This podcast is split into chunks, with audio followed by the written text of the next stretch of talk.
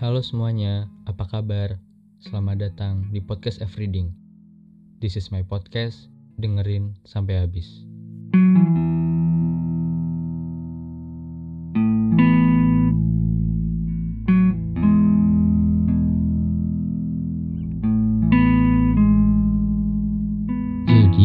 Di episode kali ini gue bakal ngomongin tentang friendzone. Di episode sebelumnya gue udah sempat singgung sedikit tentang friendzone ini. Jadi buat teman-teman yang belum tahu, bisa dengerin podcast episode pertama gue yang judulnya Bertepuk Sebelah Tangan. Kenapa gue memutuskan untuk membahas friendzone ini? Karena menurut gue, friendzone ini sangat relate sama kehidupan banyak orang. Gue gak bakal jelasin apa itu friendzone, karena gue yakin semua orang tahu apa itu friendzone. Karena manusia dasarnya dalam makhluk sosial, otomatis mereka akan bersosialisasi dengan orang lain sehingga mereka akan punya hubungan mereka akan punya relasi dan salah satunya adalah teman.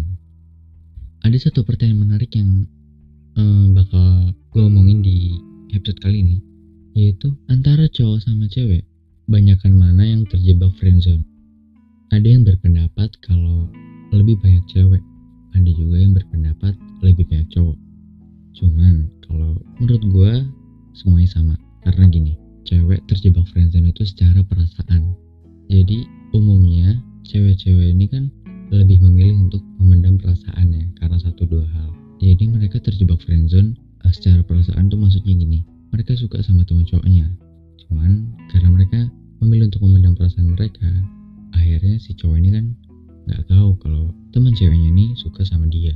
Cuman kenapa cewek ini bisa dikatakan terjebak friendzone karena uh, si cewek ini bisa melihat dari sikap-sikap teman cowoknya ini bahwa nggak ada perasaan lebih dari si cowok sama mereka gitu. Itu dari sisi cewek. Kalau dari sisi cowok cowok itu merasa uh, sorry cowok itu terjebak friendzone dari sisi perbuatan. Jadi cowok terjebak friendzone itu ketika dia mengutarakan perasaannya kepada teman ceweknya terus ditolak dan cuma sampai di hubungan pertemanan aja gitu jadi kalau ditanya lebih baik mana antara cowok atau cewek yang terjebak friendzone? Jawaban gue keduanya sama gitu. Cuman terlepas dari itu semua, nggak ada orang yang mau terjebak friendzone.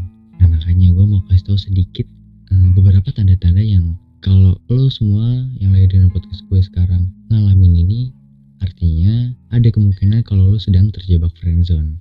Tanda yang pertama adalah lo inisiatif tapi dia enggak gitu. Jadi dalam hubungan pertemanan lo dan temen lawan jenis lo itu dalam setiap momennya selalu lo yang uh, mengambil keputusan atau punya inisiatif untuk melakukan sesuatu. Jadi misalnya setiap lo mau pergi sama teman lawan jenis lo ini yang nentuin untuk pergi ke mana atau uh, pergi jam berapa itu lo.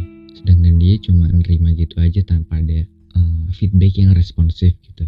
Kalau lo ngalamin ini bisa jadi lo sedang terjebak friendzone. Terus tanda yang kedua adalah kalau lo udah dijadiin tempat cerita uh, temen lawan jenis lo ini tentang perasaan dia ke orang lain.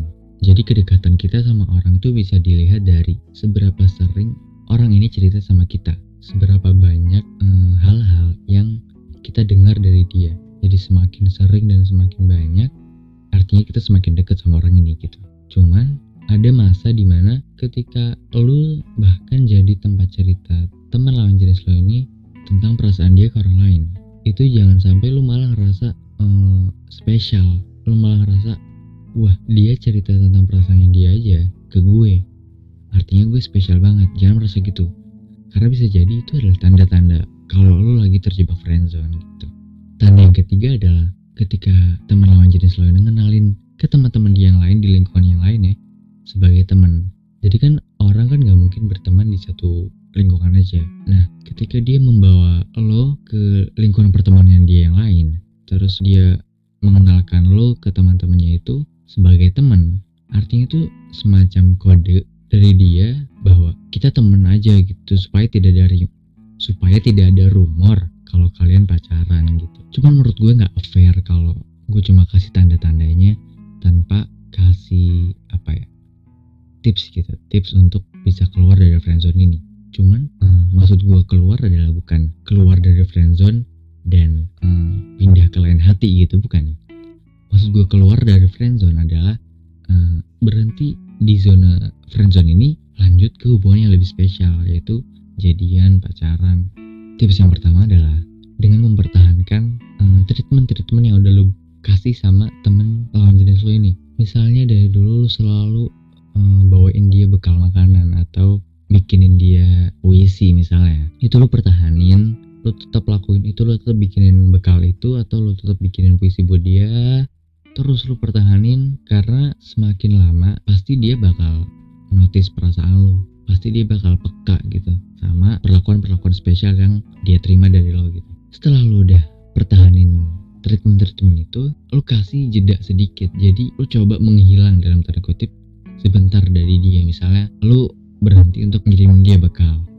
Lu berhenti bikinin dia puisi gitu. Lu berhenti mungkin seminggu atau dua minggu terus lihat reaksinya gitu. Apakah dia kehilangan? Apakah dia merasa ada yang kurang kalau uh, dia nggak menerima treatment spesial dari lo? Kalau dia merasa kurang artinya uh, ada benih-benih perasaan yang udah mulai tumbuh gitu. Setelah itu setelah lo lihat wah dia merasa kehilangan nih dia merasa kurang ketika gue nggak ngasih perlakuan spesial sama dia. Ketika lo udah lihat itu lo baru deh mengumpulkan keberanian terus lo utarain perasaan lo selama ini. Dan kalau lo emang beruntung setelah uh, tiga tips tadi lo bakal jadian sama temennya ini temen lawan jenis lo ini. Jadi lo keluar dari friendzone dan masuk ke hubungan yang lebih spesial gitu.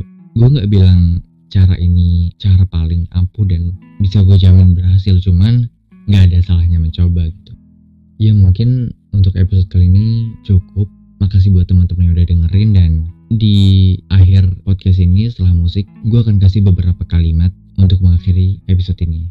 Gue di Pamungkas. Sampai jumpa di episode selanjutnya